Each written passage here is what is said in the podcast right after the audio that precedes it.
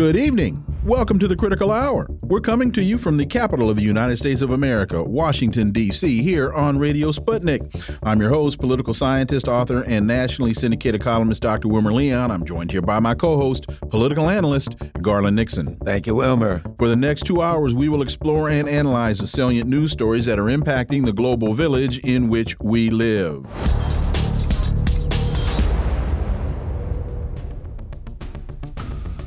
Protests are sweeping France. France has been rocked by a wave of protests after a 17 year old youth was shot by police near Paris this past Tuesday, sparking a ban on demonstrations in some cities, travel warnings, and reigniting a debate on over policing in marginalized communities.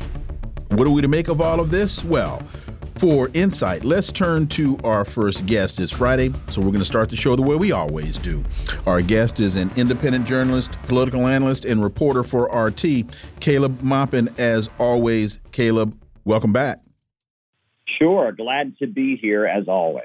So, scenes have merged of people setting fires to vehicles and climbing onto buildings with smashed windows while riot police officers fiercely clashed with demonstrators. You know, uh, Caleb, it's, it's ironic that the United States figured by trying to crash the Russian economy that these would be scenes coming from Moscow. But instead, these are scenes coming from France. Caleb Maupin. Well, I've got a number of thoughts. Uh, the first thing that comes to my mind is the classic song by the Rolling Stones, uh, Street Fighting Man. They say, uh, Summer's here and the time is right for fighting in the street, boys. Uh, and that kind of refers to the fact that, you know, heat does, you know, intensify things. But if you add to that, that there is an increasing amount of not unemployment, but underemployment. And this isn't just in France, but it's all over the Western capitalist world, especially since the pandemic. There's a lot of people who uh, you know, they, they may have a job, so to speak. Uh, they may have a gig uh, that they survive, whether it's driving Uber or doing some kind of online graphic design or something like that. Uh, they may have a gig here or there, but they don't really have much going on. And they don't really have much of an economic future. Uh, and they're living with the stress of trying to survive in the gig economy they're kind of locked out. And in addition to not having, you know, a stable income and being, you know, very anxious about putting their bills together, maybe paying their rent uh, every month, in addition to that, uh, they've got a lot of free time on their hands. And summer is here, and an incident like this is, you know, this incident of horrendous police brutality happens, and people are out in the streets. Now, this is France, and the other thing to keep in mind is that France in their culture, they have much more of a tradition of respecting social unrest. The French Revolution, we can all remember, uh, quite an episode of rioting and chaos, the storming of the Bastille, etc. That's a, a part of their national identity. And throughout France's history, there has been an admiration and kind of a respect for people going out and rioting in the streets and fighting the police. Uh, you know, and that France, you know, the country that has a very large, even today, a very large communist party. Uh, the trade unions are known for their militancy. We saw what happened with the yellow vest movement, et cetera. So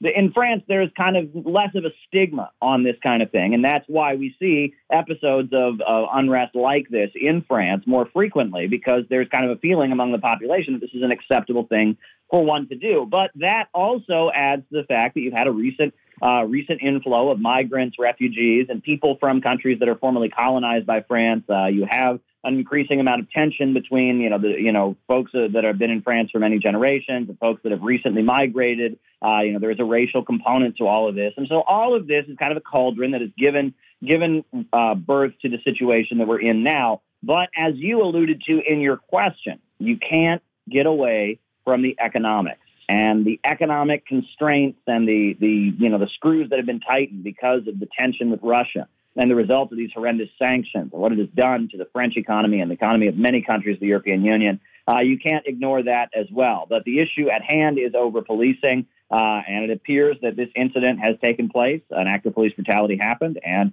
millions of people in France are angry about it and have decided to go out in the streets and make their feelings heard.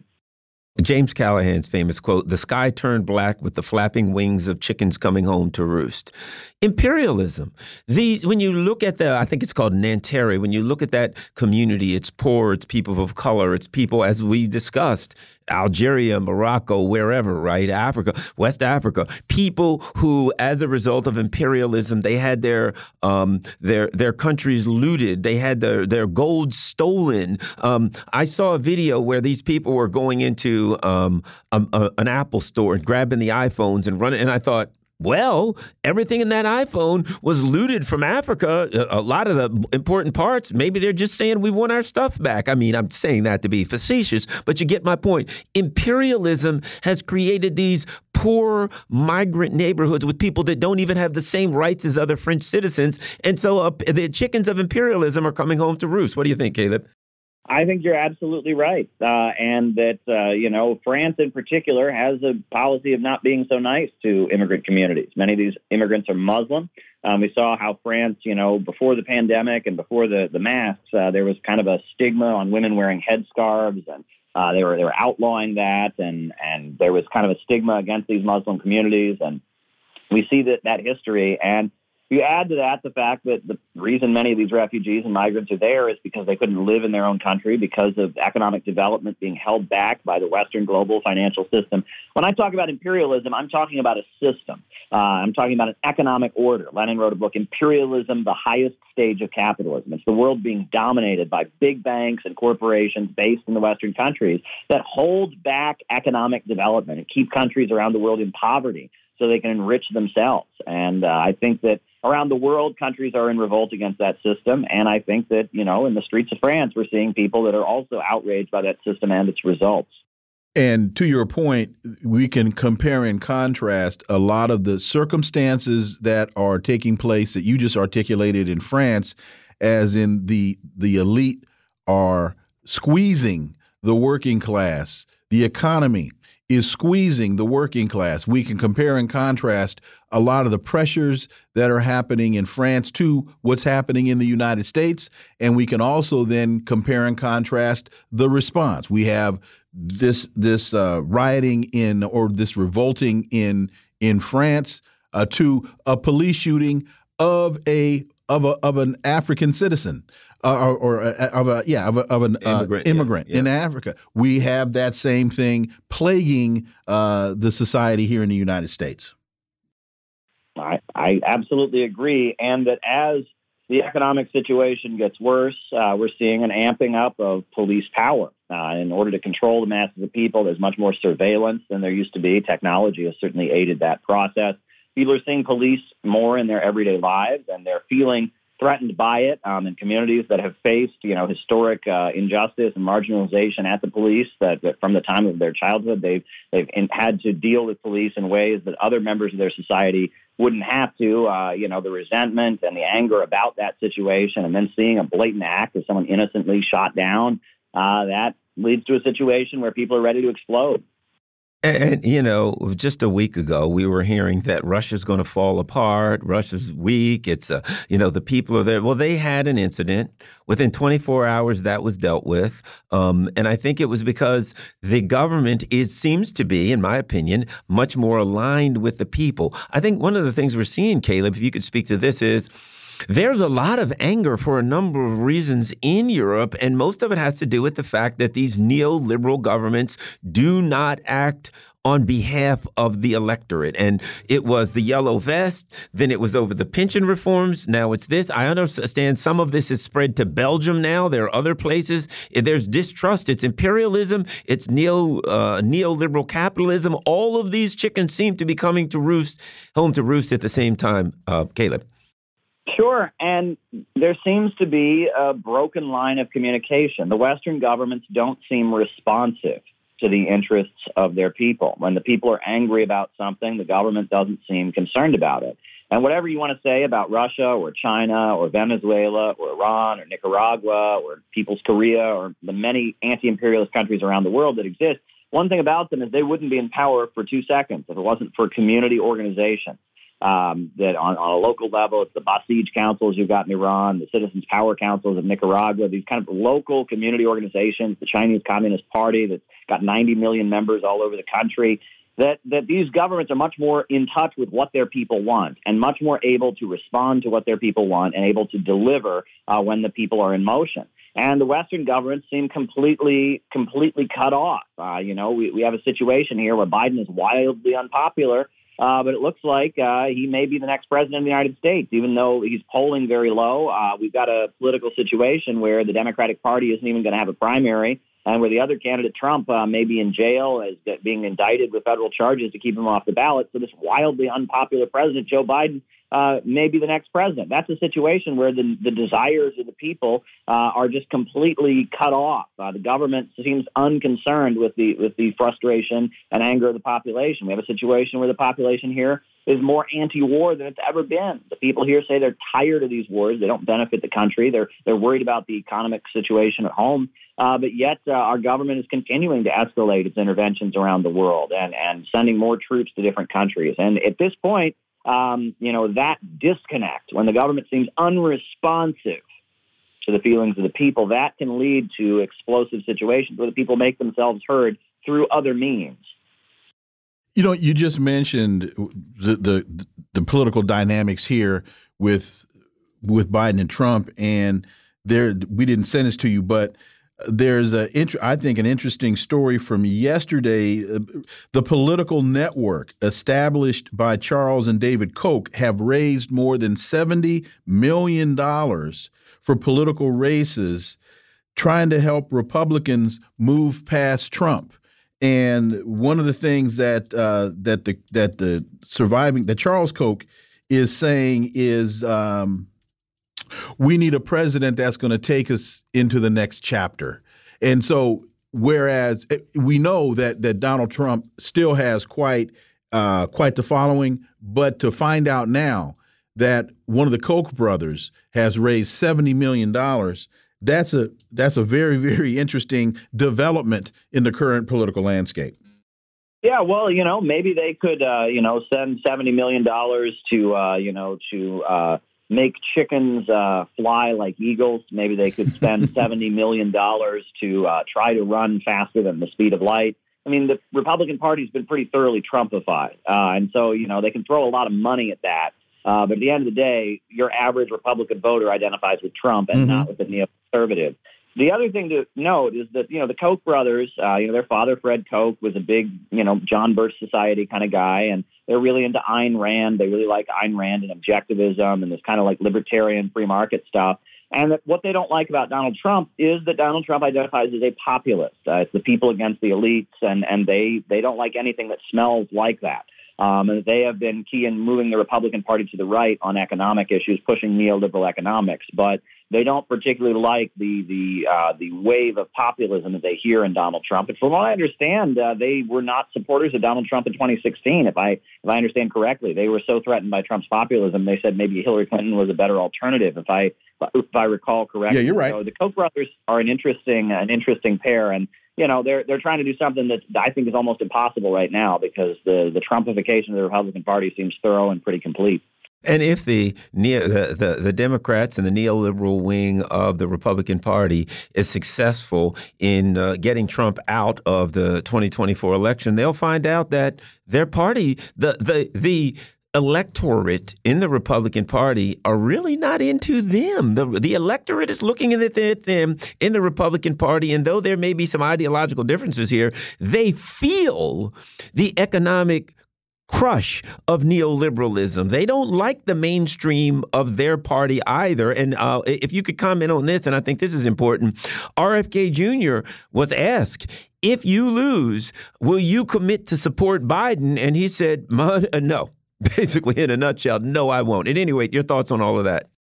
Well, that explains why the Democratic Party is not treating him as a real candidate, why they're not going to have any debates. Um, it seems like the Democratic Party has this position that you must support uh, whoever wins, you must vote blue no matter who in order to be treated as a as a real candidate in the elections. And RFK Jr. has said that he's not going to do that. Now, I've noticed that um, I continue to see articles uh, claiming that RFK Jr. is, quote, right wing. And I have to ask myself, what does right wing mean? I mean, this is a guy who is, you know, I mean, he's the, the son of Robert Kennedy. Uh, he's the, the nephew of JFK.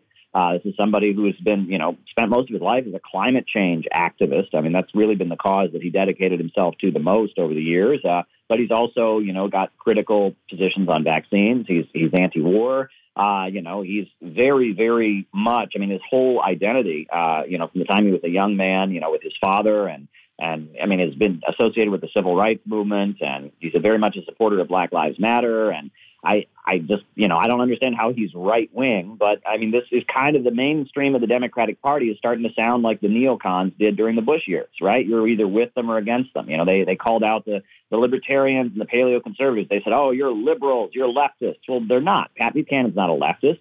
Uh, you know, Alex Jones, Ron Paul, people like that are not leftists by any means. But during the Bush years, uh, if you read, you know, what David Horowitz and some of the neocons would say, they would refer to these people as left wing. Why? Well, they were against the Iraq War. They were sticking up for civil liberties. So they must be with Michael Moore. They must be leftist. They must love Fidel Castro. And uh, and that that's kind of the way the dialogue is. That we have this main current that's dominating U.S. politics. The kind of you know culturally woke but economically conservative and very hawkish wing of the Democratic Party. They are the mainstream of U.S. politics, and you're with them or against them. As George W. Bush said about his faction, you're with us or against us. And uh, RFK is against them, so they call him right wing, even though that doesn't make any logical sense to me. RT reports Ukrainian generals killed in Russian strike. Moscow had earlier reported hitting a temporary brigade base in the Donbas city of Kramatorsk, and two Ukrainian generals were killed in this precision strike. We were told uh, when it happened on Tuesday that a that Russia had had uh, the, the missile had hit a pizzeria and that there were women and children that were in there having dinner and that this missile came out of nowhere. And now we find out no, well, it wasn't quite just an innocent pizzeria. It may very well have been a um, a, a temporary base housing the Ukrainian Armed Forces 56th Motorized Infantry Brigade, and that this location was found because the soldiers that were there were using social media to tweet their whereabouts. And that once Russia locked in on that, and through other social media sources, it, it kind of became a done deal. Caleb Maupin.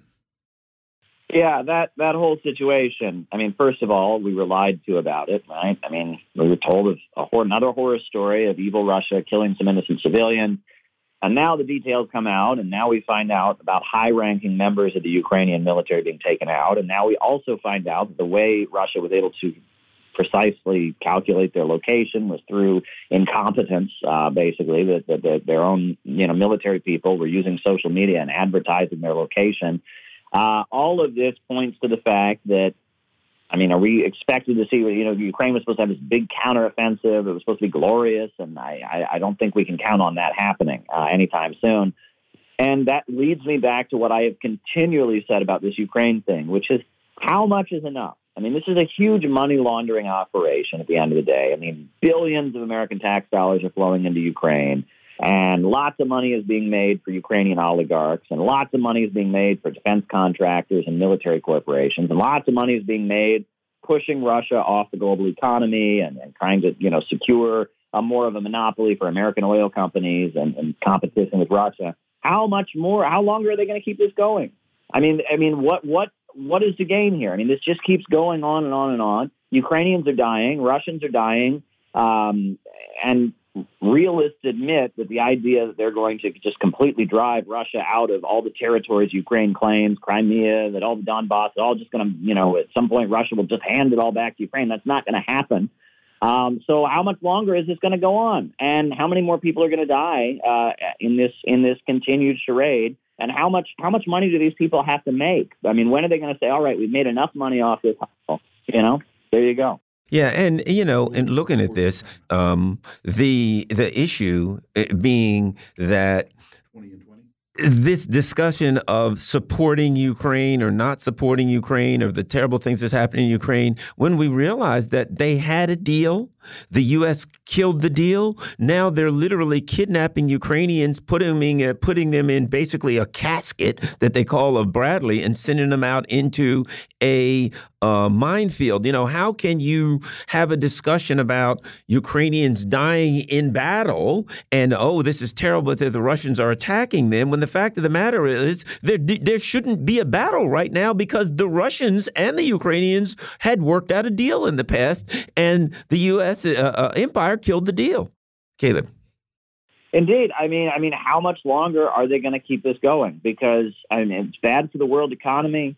It's bad for the people of the European Union. It's bad for the economy of the United States. Uh, people are dying every day. I mean, this is this is just a criminal situation here, where they are determined to, you know, make Russia lose money, uh, to isolate Russia economically, and and I mean, it's it's just absolutely sinister. I mean, this is just this is, I mean, this is some kind of demented, uh, demented Keynesianism. They're trying, it's an economic stimulus for some of the richest, richest people in the world, and it's hurting the rest of the global economy. It's a disaster.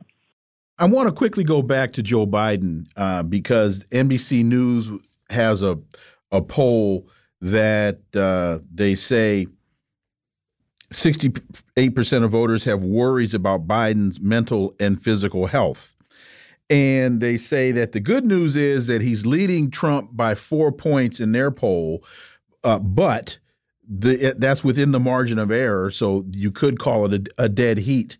But that 68% of voters say they have concerns about Biden having the necessary mental and physical health. And now you've got Biden making jokes about this. I'm wondering, in terms of NBC News, picking up on this story and talking about people's concerns about Biden's mental capacity, do you get a sense that they're putting up trial balloons and that they're using these stories to prepare people for a change on the Democrat side?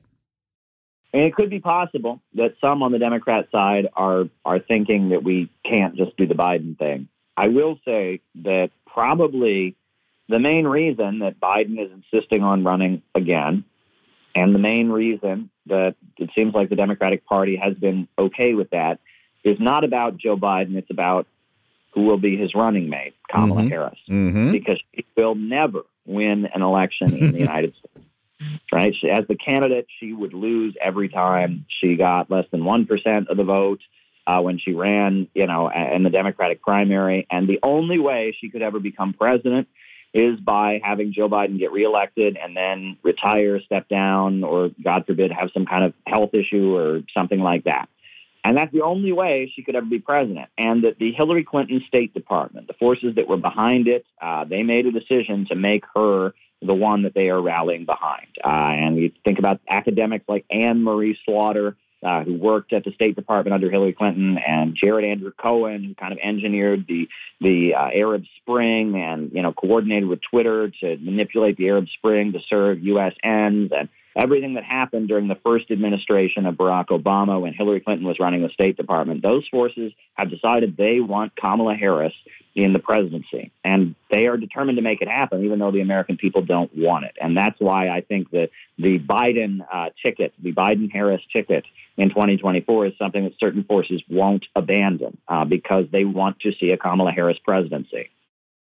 Chinese Premier Li Qiang um, uh, went through a European tour about a week or so ago, and uh, Europe's response seems to be quite clear. That is that the EU is not going to decouple from China. Apparently, they've got a document um, that they're going to be writing, and uh, in the document, they're going to put down two things. Number one, the draft document reads that Europe does not intend to decouple or turn inwards or adopt policies to harm China nor to thwart China's economic progress and development.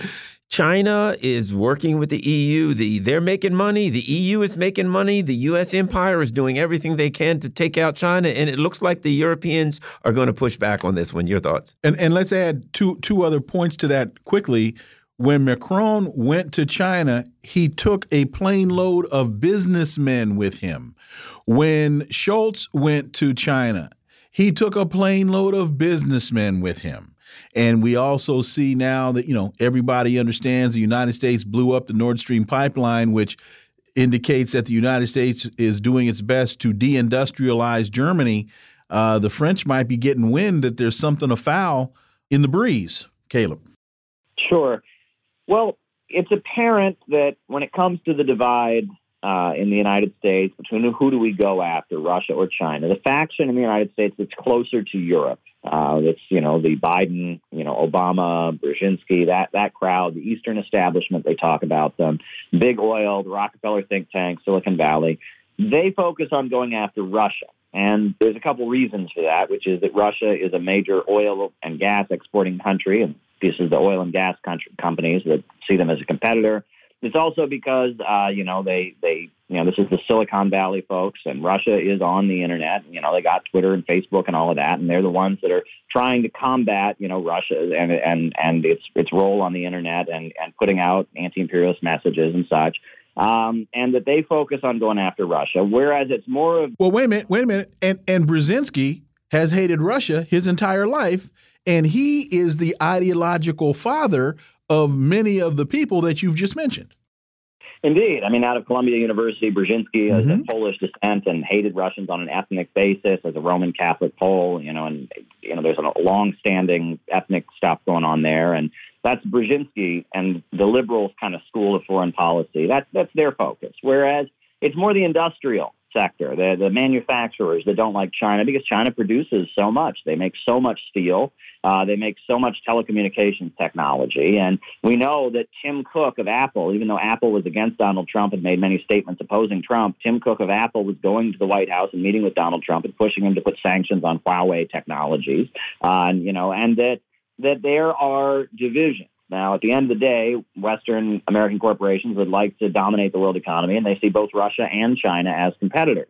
But among the Democrats, the Eastern establishment, the CIA, the Silicon Valley, the liberals, their focus has been on on you know kind of opposing Russia, whereas the manufacturers, uh, you know, people like the Koch brothers, you know, they their focus has been on opposing China, and that Silicon Valley would like China to get online. Uh, you know, they'd like Facebook and Twitter and all that to get into China. They see China as an untapped market, uh, not as a competitor or not as someone they're trying to control and regulate. So. So there's a little bit of a difference, kind of a division of labor there. Um, and one thing that China has really done to protect itself is this talk of decoupling. China has embedded itself in the economies of many countries around the world, including the United States, but especially European Union countries. And that that this decoupling or this, you know, cutting off with China comes at great economic cost to many countries around the world. And uh, the United States has recently, I mean, they rolled out the red carpet for Modi of India. Uh, I mean, they just rolled out the red carpet for him. Uh, and that was all about putting pressure on him to essentially uh, join them in, in, escalating with China, um, you know, emphasizing border disputes, et cetera. And that China has such an impact on the economies of many countries around the world. The United States can increase its hostility to China, but doing so is going to come at great cost to many U.S. allies, and I would argue even to the United States itself. And uh, the other thing is, uh, Caleb, I think China was known for cheap goods, but now China's known for highly uh, uh advanced high technological goods, high quality te technological goods at a reasonable price. A reasonable price. It's not just cheap plastic things for the dollar store anymore. And they're making automobiles that are being sold yeah. in Russia. How about that? About a minute and a half left, Caleb. Sure. Well, China has done a lot to invest in its population and educate its population, and they have engineers, they have scientists, they have they have a lot of people that are being churned out of their universities with real skills to invest in high technology to advance in the computer revolution with artificial intelligence. We're not doing that in the United States. Uh, we have not decided to invest in our population in that way. Um, and as a result, uh, China is very much at the center of many of the great advances that are happening in the technological world. And that is going to force many countries to do business with them because uh, they have the, the brain power that we in the West have decided we don't want to invest in having. And to that point, as we get out, the Supreme Court has decided that student loan forgiveness uh, the president can't do and the Supreme Court also decided that diversity in higher in institutions of higher education cannot be uh, that that race cannot be an element in uh, in those determinations, making it harder for people of color to get educated and the poor to get educated. So you're right the United States isn't investing in the education of its population. Caleb Maupin, as always, thank you so much for your time. Greatly, greatly appreciate that analysis. Thank you for your flexibility, and we look forward to having you back. Absolutely. It is always a pleasure to engage with both of you. Thanks, man. Folks, you're listening to the Critical Hour on Radio Sputnik. I'm Wilmer Leon, and I'm joined here by my co host, Garland Nixon. There's more on the other side. Stay tuned.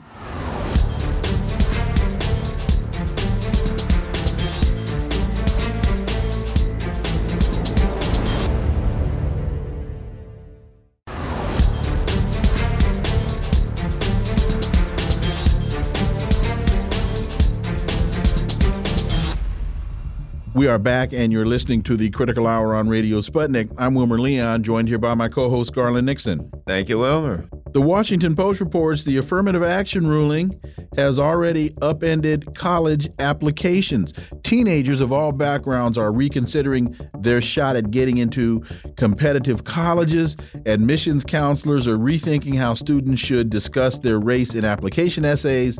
The Supreme Court's ruling yesterday that colleges cannot consider race in admissions has left applicants in turmoil. I take issue with their competitive college reference, but that's another discussion. What are we to make of this? Well, for insight, we turn to our next guest. He's an attorney and a voting rights activist, Darryl Jones. As always, Darryl, welcome back. Thank you, guys. It's always great to be with you guys.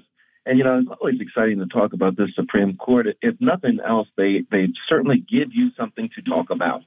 Well, and to that point, Darryl, and and you predicted that this one was coming, and you were absolutely right. So, if you would please, when when we're done, give me the the the Powerball number uh, for for the for the drawing. I'd appreciate it. Um, this decision is despicable and disappointing, but not surprising. And this takes me back to the Warren Court. The Warren Court gave us the Brown decision in 1954, and it proved to be the most uh, civil liberty and civil rights focused court, I believe, in the history of the country every subsequent court, the Burger Court, the Rehnquist Court, and now the Roberts Court, they've done everything in their power to reverse the rights that were given, the Miranda rights, uh, right to privacy, fruit of the poisonous tree doctrine, where police had to give a valid warrant, use a valid warrant to search your homes. Now we get this. Uh, this has been a long established campaign by the elites in this country, I believe, to overturn the the the, the decisions by the Warren Court. Your thoughts, Darryl Jones? Yeah, no, I, I think that you're you're directly on point with uh, with that analysis, and you know it's really interesting because you know when we start to decipher uh, this uh, the affirmative action and education case that uh, that the courts dealt with, you know, in, in essence, really what we're dealing with is, is you know, if, we just walk it back, right? We walk it back, we remember this Bakke decision, we remember the Grutter decision, and and all of these cases, what they uh, were doing is that you know they were all permitting uh, race to be considered as a factor, not necessarily the determining factor, but a factor, and understanding that they were trying to make amends for the wrongs that were done, uh, for the shackles that were put at the ankles at the start of the race. Uh, and then at some point the, the, the, shackle was released and then saying just, you know, you should be able to keep up now uh, without regard to, you know, all that had been uh, transpired. So what this court now has done uh, is it's, it's taken away from the analysis uh, of the Bakke court that, that, you know, which used uh, race as a limited, you know, race as a, as, in a limited manner could be used for college admissions. And, and then with the Grutter case, you know, it, it then went on and just endorsed Bakke even more and said that race could be used to achieve the diverse uh, student body in essence. What this court now is saying is that you cannot factor race in the admissions policy whatsoever. And then, you know, Justice Roberts, who writes the opinion, you know, I'd say just pour salt in the wound because after he says you can't use it, you can't use race and to, uh, to factor in a, a, an admission of a student to the university. The salt in the wound is then to say, but they can mention it in a paragraph that they may write about, about, you know, who they are. They can mention race, and you can look at it that way. It, it, it's just despicable. You know, the other piece of what this court does in this analysis is that they assume there's no racism in the United States, and that everyone has the same opportunity, and so it should all just be based on numbers, based, based on testing, and, and nothing could be further from the truth. You know, we were down in uh, in Houston, Texas, uh, uh, with the Cuney homes, which is one of the uh, what we used to call, I guess, uh, public housing. The project's very low income. We were giving away banned books. And this little six-year-old came up, and we gave him, you know, one of the banned books, and he's going through the banned book, and you know, he's reading it along with uh, one of our, our young millennials that's down there, and his conclusion, his excitement was that all the pages were in his book. He wasn't accustomed to a book without all the pages. Well, that's what this court is missing, is that there are people that don't have all the pages to the book, and you're asking them to interpret the, uh, the, the, entire book. That's what they're missing. And, and with Ketanji Brown Jackson, Justice Jackson, and uh, Sotomayor uh, and Kagan, you know, they lay that out, that, you know, they're assuming that racism doesn't exist. And it does exist in the United States. And that's the problem with this uh, opinion, uh, you know, and we don't even get into what, what it's doing to the folks that are trying to get into college next year and and, uh, and all the decisions that they're going to have to make. It's just a horrible decision. It's very disappointing. Well, and here's the thing. Okay, so now you're going to say race can't be a factor, right? For the last four years, it was the only factor. It was the de deciding factor in the other direction. If you were black, you couldn't get in. So, race is the deciding factor for 400 years. If you're a particular race, you can. If you're a particular race, the door is slammed. And now, when people say, okay, so for 400 years I can't get in the door, you can at least use race as a factor to get me in the door because you used it as a factor to keep me out. No, no, no. We can only use it as a factor to keep you out. We can't use it as a factor to keep you in. And as you said, in my opinion, it's not just about correcting the past. It's about the reality that the past determines this present. So that there are so many people today, because of the things that happened in the past, because their mother, father, whatever, couldn't get a decent education because they're living in a poor black community because of segregation in this uh, uh, in this nation. The money from the tax of a local community pays for the schools. So they're living in a poor black segregated community, so they don't get as good as schools. So everything says people are suffering today as a result of a accumulation of factors that haven't gone away. At any rate, your thoughts. And what makes it even more offensive, and, and you know, you, you say that, and, and it just drew back the memories of the opinion as I was reading it last night. You know, one of the exceptions to this are military academies. Why? Why accept military academies? Why would the military academy be different than anything else? Because in essence, what they're saying, and, and Justice Jackson put it best, is that they're saying they want you in the bunkers. They, they, they want you to go and fight the wars. They just don't want you to have that same opportunity in the boardrooms. That's the appearance that that has. What else is excluded from that? Legacies you know, you know, if you're at Harvard or you're, you know, one of the other what they call the prestigious institutions, as a legacy, you get a leg up. You you get in. You you know you have automatic uh, rights that are, that apply. There's no problem with that. But don't be black. Can't use race, but you can use the legacy.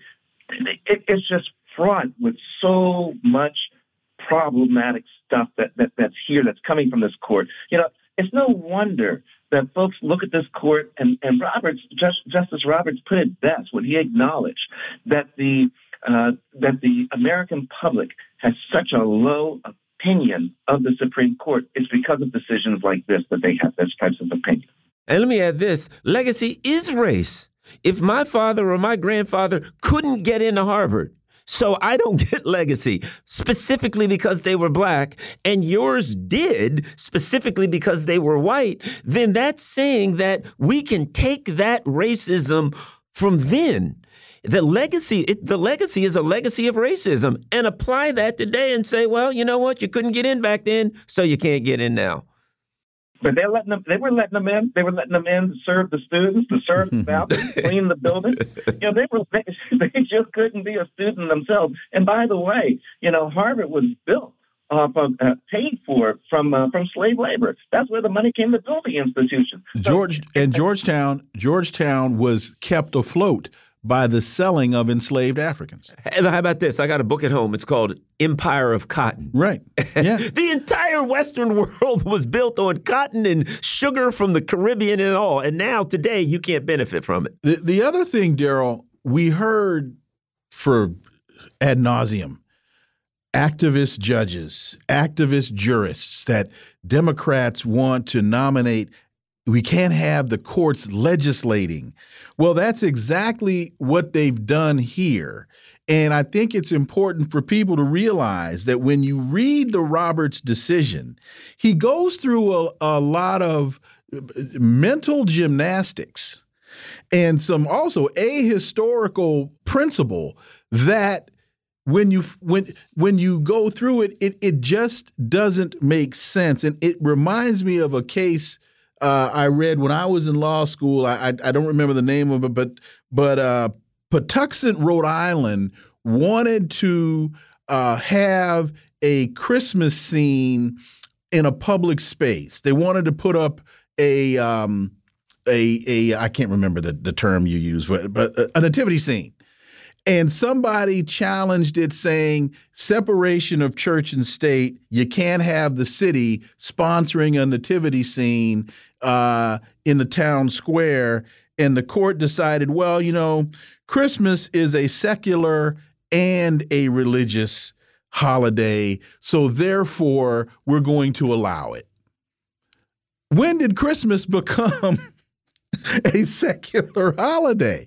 So anyway, um, I go through all that to say the court will go through any type of logic it feels that it needs to to reach the conclusion that it wants to reach. And this activist jurist argument is fiction. Darryl Jones. Yeah, no, you're right there with it. You know, you know what I've been telling people uh, regarding uh, this this affirmative action case is this: the court had already decided where it wanted to go right? They they they knew coming mm-hmm. in where they wanted to go, and the only question was how can we now back up and match what we need to try to match up to get there, so we can go ahead and and end affirmative action. That's where justice. People forget Justice Thomas was uh, was placed uh, into his uh, previous position because because uh, he was against affirmative action, and George uh, mm-hmm. George Bush uh, wanted him in place. He wanted him there for that. And so when he was subsequently put on the Supreme Court, he kept that you know attack on affirmative action. Justice Roberts was always against affirmative action. So you know what they had done is they they knew where they wanted to end up. They knew their ending place was striking down affirmative action in education.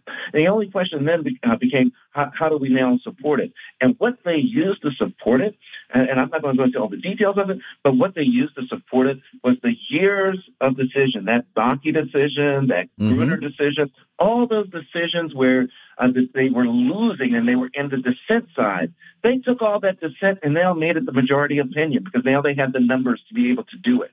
So, it, it, it, so it's just incredibly offensive what they've done. It doesn't match with where society is, the United States society is right now. This is a prime example of, of what I say. You have a minority majority court because the ma- majority the, that sixth number that's there uh, uh, of, uh, of justices, they were appointed by presidents, for the most part, five of them, appointed by presidents that lost the popular vote. So they're not in touch with the mainstream of the American society. And these are the type of opinions you get when you have that that occur. And the words that I was struggling to come up with was intellectually dishonest. This argument, dishonest. this yeah. argument is intellectually dishonest. And I'm looking forward to seeing. We only have about 30 seconds left. I'm looking forward to see when we when we look at the data three four years from now. Does this have a positive impact on an on an increased enrollment in historically black colleges and universities? I hope it does, and if it does, that's a that's a positive income outcome from an unfortunate input. Uh, we got 30 seconds, Darryl.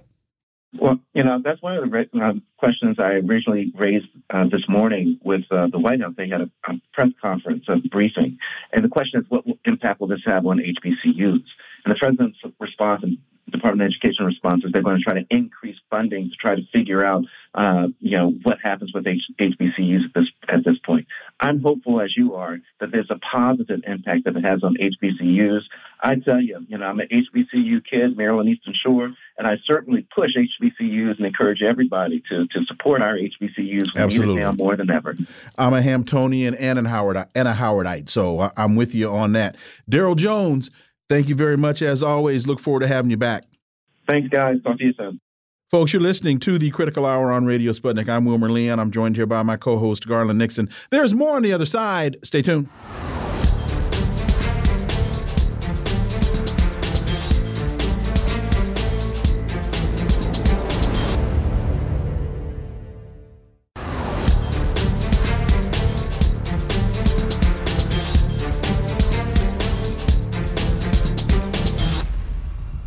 We are back, and you're listening to the Critical Hour on Radio Sputnik. I'm Wilmer Leon, joined here by my co host, Garland Nixon. Thank you, Wilmer. Consortium News has a piece entitled Israel's Massive Colony Expansion. The approval by Netanyahu's coalition government of thousands of new colonial settlement units in the occupied West Bank comes in the midst of a nearly week long wave of violence that has drawn international condemnation. And this takes place while in Sweden, Iran slammed this uh, yesterday morning the Swedish authorities for granting permission to desecrate the Holy Quran in the Swedish capital. On Wednesday, a man named Salwan Momika burned a copy of the Holy Quran outside the Stockholm Central Mosque. He was granted a permit from Swedish authorities prior to carrying out this horrific act. What are we to make of all of this? Well, for insight, let's turn to our next guest. He's an award winning broadcaster and journalist based in Beirut, Lebanon, Laith Marouf. As always, Laith, welcome back. Great to be with you guys. Laith, I, I combine these two stories because provocation seems to be the word of the day. Your thoughts on on these acts, Laith Marouf? You know, I, I, it must be something that uh, Black Americans have heard a million times before from uh, revolutionaries in their communities. That as long as there is not one uh, Black, uh, you know, state that can defend the rights of Black people, like China defends the rights of Chinese people, similar, there will be no uh, you know, stopping of the abuse of black people in the United States. Similarly, as long as uh, there is not enough uh, Muslim countries that have the strength to actually defend the rights of Muslims globally, this will not cease. And uh, as we see, uh, you know, paupers like uh, the, you know, the Swedes and, you know, genociders like the Israelis are taking full advantage of this. And uh, of course, uh, we all have hope in Iran to defend the rights of uh, Muslim people globally. And I'm glad that you mentioned their uh, their condemnation of the Swedish uh, government's position. You know, add that to what's happening in France because one of the things I'm seeing, it's interesting. Online, I'm seeing some of the same people that supported the Yellow Vest movement right? And they supported um, the pensioners who were angry at the pension. But now some of those same people, oh, well, see, you bring the Muslims and the migrants and the African migrants, and now they're tearing things up. But it was fine when the white French people were doing it. And now that the colonial and imperialist chickens are coming home to roost, um, some of these same people are all of a sudden now they're on Macron's side. At any rate, your thoughts about what's happening in France and the fact that, uh, see, they seem to be tearing that place limb from limb. Well, you know, at least 30% of French citizens are of uh, Arab and, and African origin. Uh, you know, the, they are treated as bad as black people are treated in the United States. In fact, there's a there's a just like the N word for Arabs. Uh, there's a there's a word for them in France, uh, and it's that uh, racist. And of course, the police uh, take full advantage of the support of uh, the populace uh, and the state for racism, and uh, periodically kill Arab and African French youth, and with no uh, results coming out of uh, any trials for these police. But today, it seems like uh, France is at the edge. You know, it's been now three nights of uh, complete uh, chaos in the streets of uh, France. Uh, today, uh, Macron suspended all public transportation in hopes that he can stop youth from coming into the uh, rich uh, locales that they are targeting. And, uh, you know, the mother of the child that was killed by the police is saying that she is calling, she called for a huge demonstration tomorrow in Paris uh, uh, at the Champs Elysees. And uh, of course, right now the French authorities are scrambling to set up barricades and bring in as many of their security forces to the streets of Paris. There's already upwards of 6,000 security forces on the streets of Paris right now uh, preparing themselves for the onslaught of, of uh, Arab and African youth that are going to come for uh, revenge for their uh, dead. To put a bow around all of this, Consortium News has a very interesting piece that is written by Norman Solomon Racism in U.S. Empire. In political and media realms, the people of color who've suffered from U.S. warfare abroad have been relegated to a kind of psychological apartheid, separate, unequal, and implicity not of much importance. And he writes, he talks about what happened to George Floyd and what made it possible. And he says, but such scrutiny in terms of what happened to George Floyd comes to a halt at the water's edge, stopping short of probing whether racism has been a factor in U.S. military interventions overseas. Laith Marouf. Yeah, I mean, look, the, the common thread in all of these is white supremacy, and all of these stories that we discussed uh, just now. Uh, and of course, uh, you know, uh, the Swedes uh, are not only uh, allowing the burning of the Quran, they're also abducting Muslim children from their families and giving them to white families uh, in, in the same way that Canada used to abduct indigenous children and still does and give them to white families. And this is now where where we at. Uh, you know, uh, it's been a hundred years uh, since uh, the World War One, and those major issues have not been resolved yet. Can uh, the can we move forward as humanity? uh, you know, and end this era of white supremacy? Will the United States and its uh, various provinces and, and protectorates in Europe and across the world allow for equality to within this human uh, family. And uh, from what we've been seeing, actually, the response to the demands of the rest of humanity for equality and uh, and the response to the deteriorating position of imperial power of the United States and the retreat of the importance of Europe is an extra extreme fascism, as we see in the streets of Paris, as we see in, in Sweden, as we see in the United States, as we see in Canada, as we see in Israel itself. So we are right now, uh, the more the rest of humanity asks for uh, to be treated equally and to to not be treated in a racist way, the more it seems like the the West and led by the United States are becoming more and more racist. You know, Laith, um, I, let me tell me if you think I'm wrong. I tie all this stuff to the Ukraine conflict because I think that the U.S. empire, the colonialist powers going against Russia, exposed something to the rest of the to the, to the world. It opened, uh, reopened a wound in the Muslim Muslim land and in the and in the in Africa and Latin America, and it, and it also allowed them to see the actual weakness of the colonialist and the imperialist. That somebody could stand up to them. I think that that all of this unrest, what's going on in France, and additionally, it economically weakened the EU so much so that people there are suffering and they kind of intuitively recognize it's their leadership. Uh, do you think I'm wrong in connecting so many of these things to the Ukraine conflict? Let me add two other things to it. One is, uh, as we talked about yesterday, uh, Europeans don't see Russians as European. Uh, they don't see him as white. Right. They see him as Eurasian. And also, I think you have to, since you mentioned uh, Muslims and Islam, I think you also have to throw in the Russian Orthodox Church and the Ukrainian Orth Christian Orthodox Church because there are conflicts there. And I think those issues also factor into the right. tensions in the conflict. Right. So, what are your th thoughts about me looking at all this and relating it all in a way to the Ukraine conflict, Laith?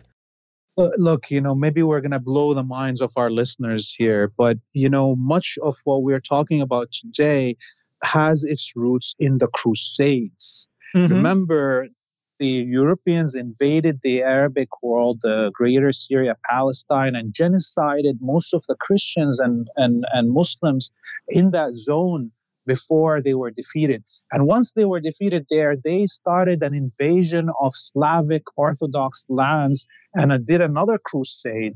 And that is the wound that is split Ukraine in half. You know, the crusade into Slavic lands, the forced conversion from Orthodoxy to Catholicism at the, at the sword that ended at the, at the middle of the river uh, that runs through Ukraine.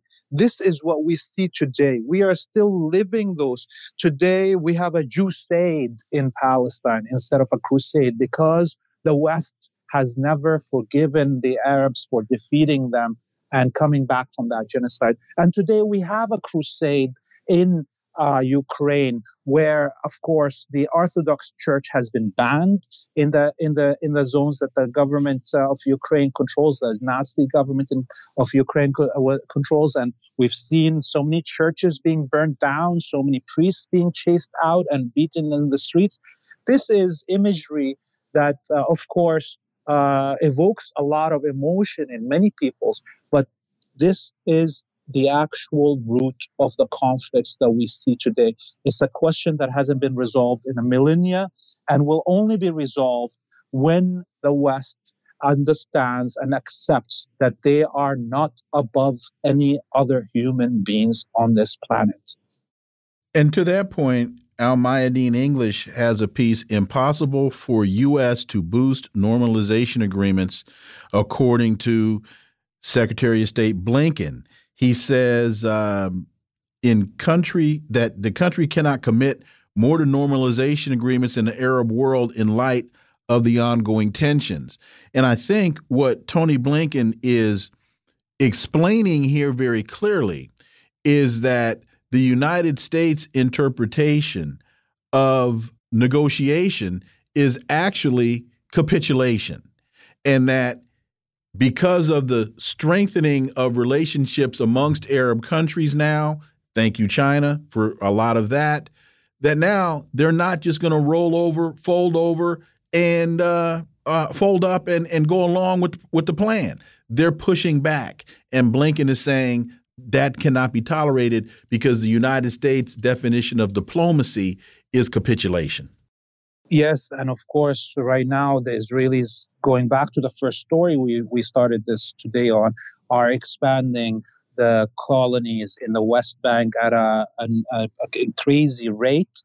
And on daily basis, there's programs of uh, Jewish uh, colonists invading Palestinian towns and, and lynching and burning homes and burning cars, uh, targeting civilians under the protection of uh, the Israeli forces. And that in itself, beyond you know the forgetting that China's rise, forgetting Iran's rise, forgetting Russia's rise, that in itself is putting so much pressure on the countries that already normalized the kingdoms that were already anyways in the U.S. camp, and the Saudis who were supposed to be the last to normalize amongst the American uh, allies are now too scared to do so, and they have a new opening to them with the relations with Iran, relations with China, relations with Russia that uh, they can gain much more from.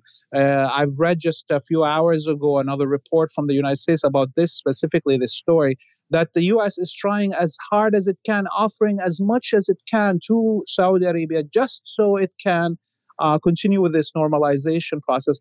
But the Saudis are being offered more by Iran, offered more by China and Russia. So the U.S. can't even uh, offer anything to the Saudis to get them to uh, agree onto this normalization.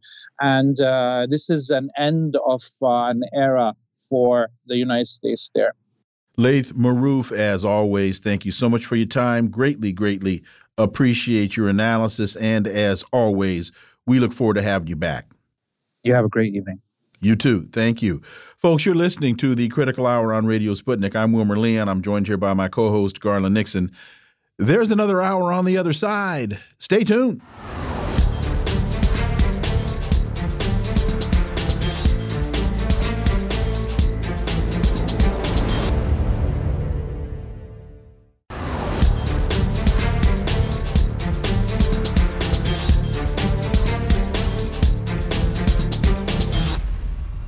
We are back, and you're listening to the Critical Hour on Radio Sputnik. I'm Wilmer Leon, joined here by my co host, Garland Nixon. Thank you, Wilmer. The Washington Post reports the affirmative action ruling has already upended college applications. Teenagers of all backgrounds are reconsidering their shot at getting into competitive colleges. Admissions counselors are rethinking how students should discuss their race in application essays. The Supreme Court's ruling yesterday that colleges cannot consider race in admissions has left applicants in turmoil take this decision and then add the Supreme Court today said that President Biden does not have authority for his roughly $400 billion program to forgive student loan debt. The latest blow from a Supreme Court that has been dismissive of this administration's bold claims of power. And then add to that the Orinoco Tribune story. We can't trust the liberal tailists, left groups, to lead a revolution. We have to build a workers' movement outside the Democratic Party. For insight into this, let's turn to our first panel. Yes, it's Friday, so that means it's panel time. And we're joined by the co editor of Popular Resistance, Dr. Margaret Flowers. As always, Margaret, welcome back. Thank you. It's wonderful to be with you. We're also joined by the national organizer for the Black Alliance for Peace and editor and contributing columnist for the Black Agenda Report and the Green Party candidate for Vice President of the United States in 2016, Ajamu Baraka. As always, Ajamu, welcome back. Glad to be here. Thank you. So, Margaret, we'll start with you. We we thought it made sense to combine these two decisions as the basis of presenting the Orinoco point we can't trust the liberal tailless left groups to lead a revolution. We have to build a workers' movement outside the Democratic Party. Dr. Margaret Flowers.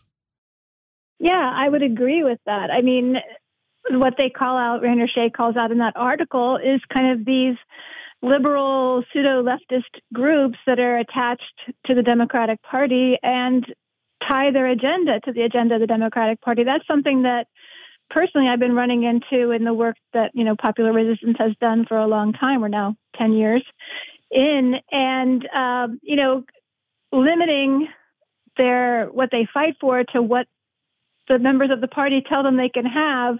And this is a big reason why the left doesn't have power and the left doesn't win on so many of the critical issues like the healthcare crisis, the climate crisis, the you know crisis of racism in our country, of of economic insecurity, you know, et cetera, et cetera.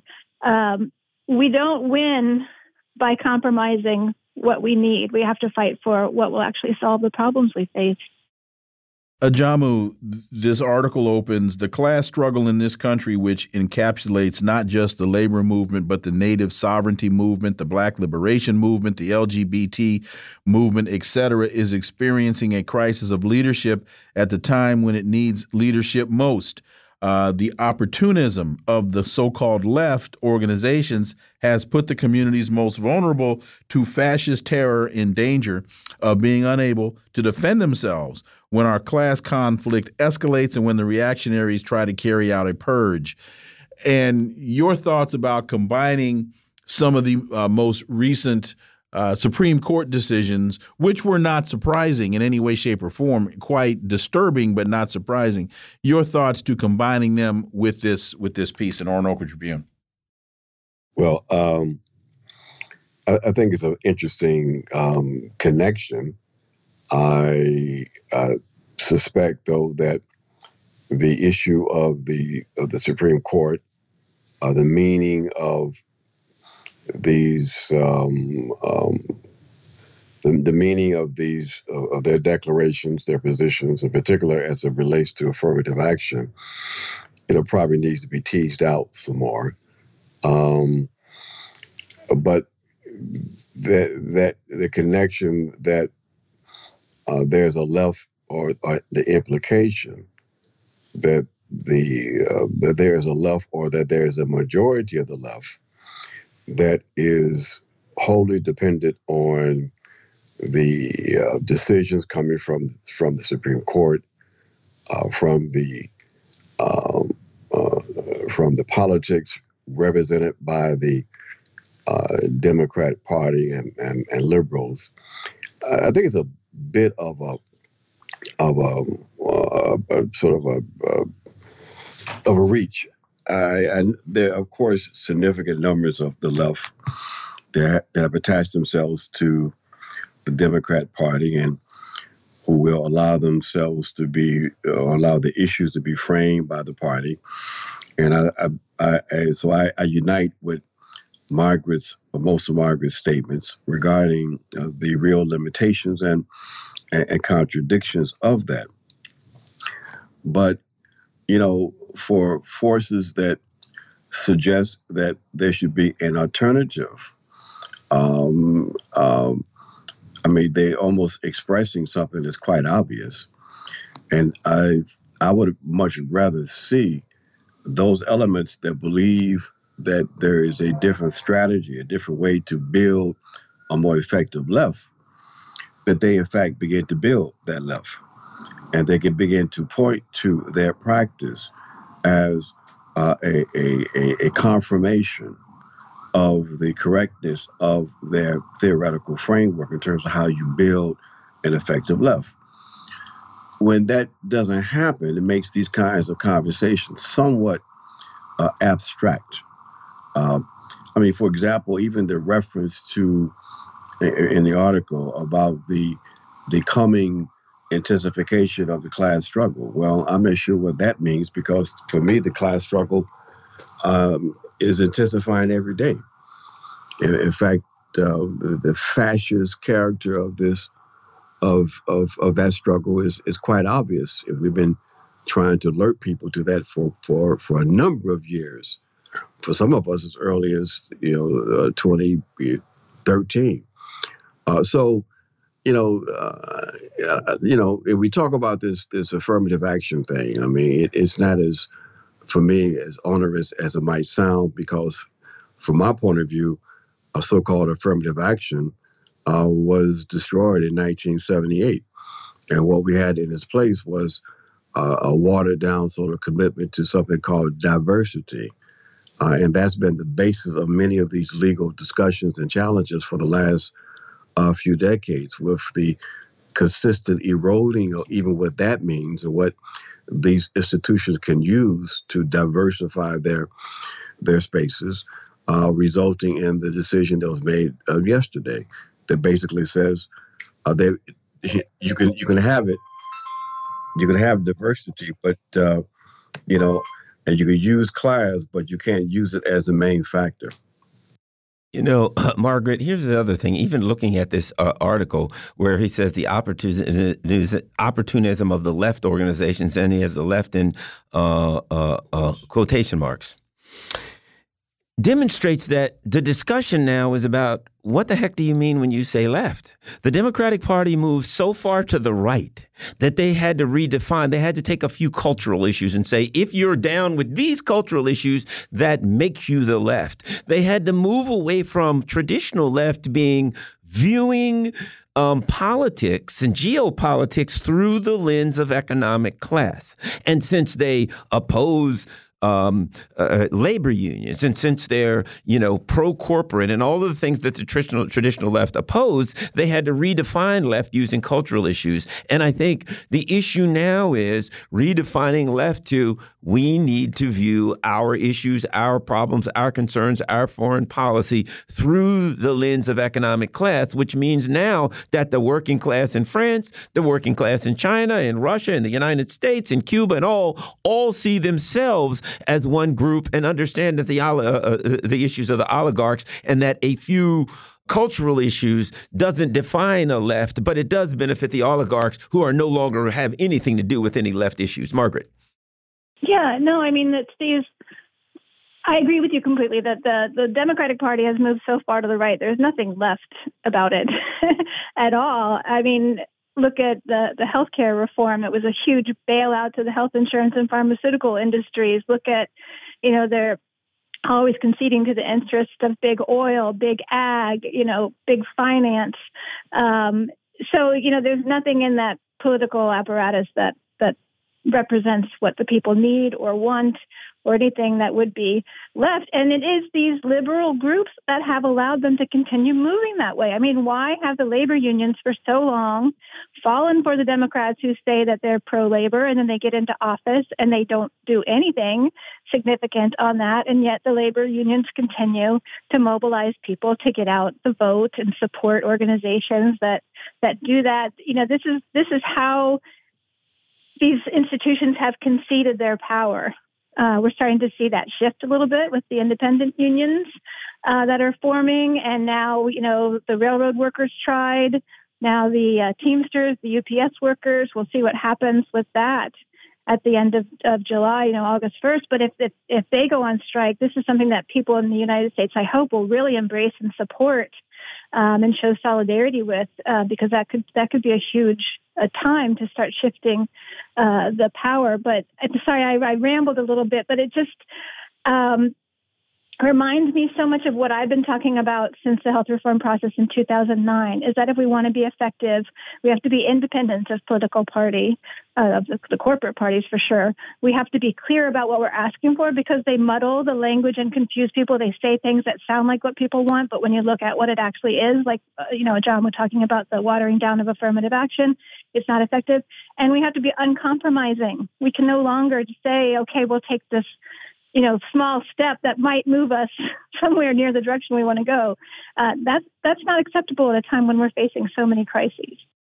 Oh, Ajamu, if you could comment to my thoughts about the definition of the left and how, the attempt to redefine it. When people say to me, that, well, Garland, you say you're a lefty. What does that mean? I say, my dad was a longshoreman. He wore a hard hat. He was in a union. I view politics through the lens of economic class. I don't see Venezuelans and Cubans and Russians and this way. I see working class people who get abused by the powerful. And that's how I define the left. I, it's not cultural issues, it's not all that stuff. Your thoughts about the issue of the definition of the left, left Ajamu Baraka? Well, I, think that many people would agree with with you, Garland, that they will see they will define an authentic left as one that that will center uh, the, the, the social relations of production uh, that would identify uh, programmatically an anti-capitalist um, position as something that's left, uh, and they would even go f- as far as to say that a authentic leftist is someone who's also a pro-socialist. So they, they, this is a, a, good starting point for for a, a definition of, of, of a partial definition of left.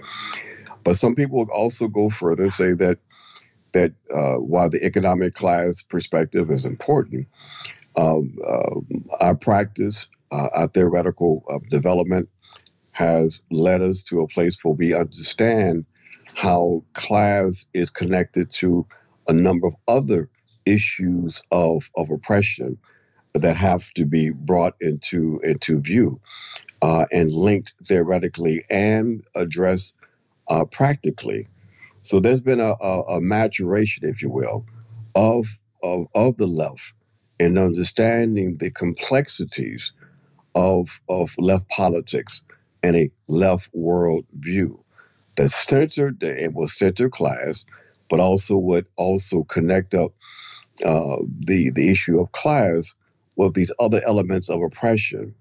Uh, they help us to to imagine what needs to be done and imagine what type of societies we need to to structure in order to build societies in which all forms of oppression uh, and exploitation are eliminated. So these are some of the conversations that we see uh, the attempt to try to capture in that article that y'all are referring to. Uh, some of the some of it is good. Uh, some of the elements there is a little crude and even a distortion. Uh, but you know, some of the critique in terms of the role of some of these so-called left groups um, um, is important. Now, one of the issues though that I have with the, with that piece is that they have identified a couple of groups, in particular, for example, uh, PSL, uh, Party for Socialism, Socialism and Liberation, as one of those groups that are being sort of led around by the nose by the Democrats. I, I just don't I don't understand what criteria they're using for that. But I, you know, I won't quiver. I'm not going to throw out the entire article based on that. But it does reflect the sort of blanket uh, analysis we see coming from certain kinds of political tendencies uh, to to prop up their positions uh, and positions sometimes that have their own tenuousness to uh, to to reality. One of the things uh, uh, to, to, to, to uh, tail off on that is I told you my dad was a big union guy in the unions.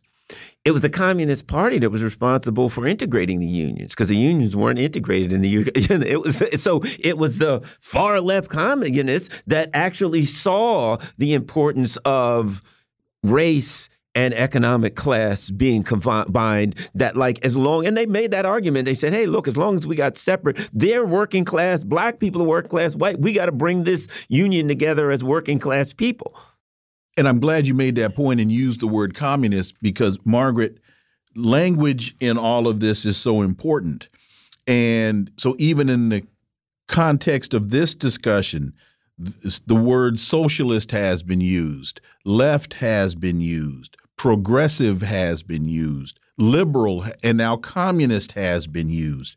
So, how do you formulate a movement?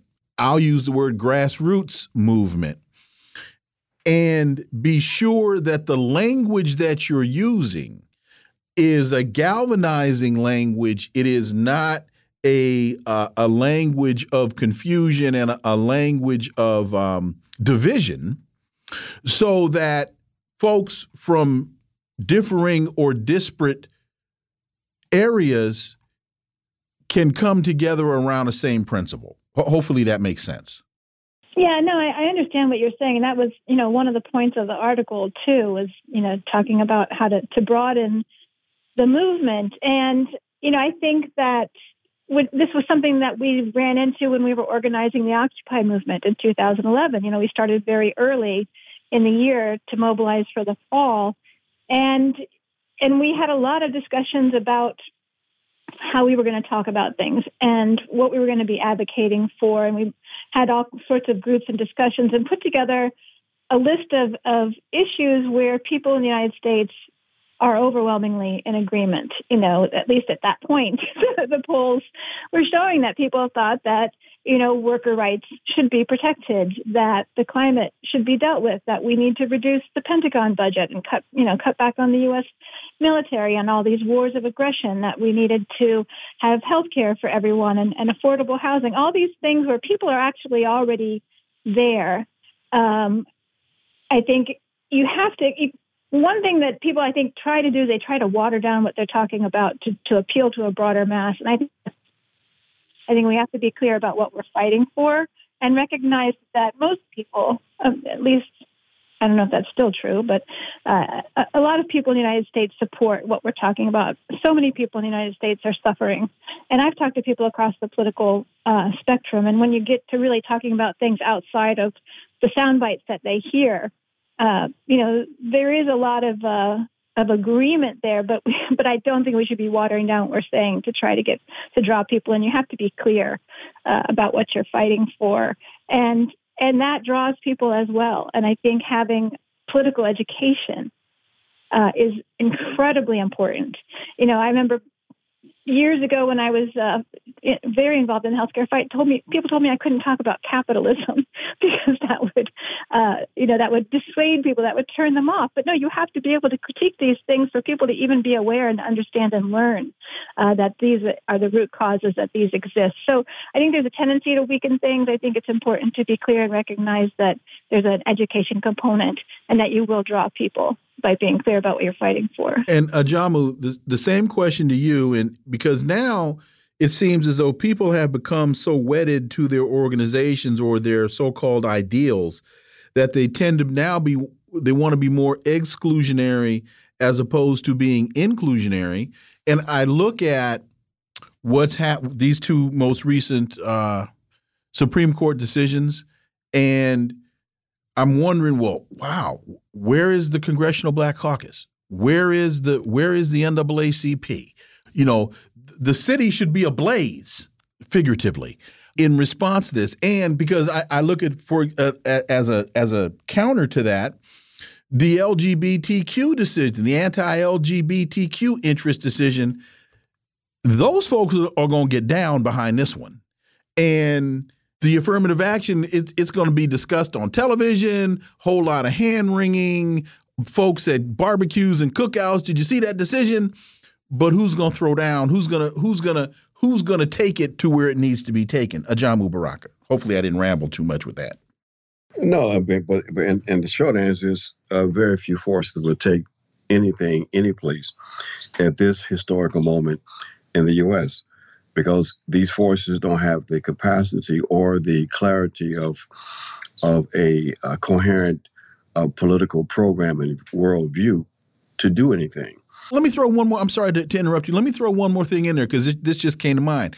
How much of the foreign policy conflict, as in what's happening in Ukraine and the in the fight that the United States is trying to pick with China, how much of that, if any, has an impact on the domestic because it becomes very easy to start labeling people as other, and it starts to become easier to label people as and oh, what are you a Putin lover? What are you? Uh, who are you following? China? What do you What do you want to do? Hang out with Maduro? I mean, so uh, does that factor into this as well?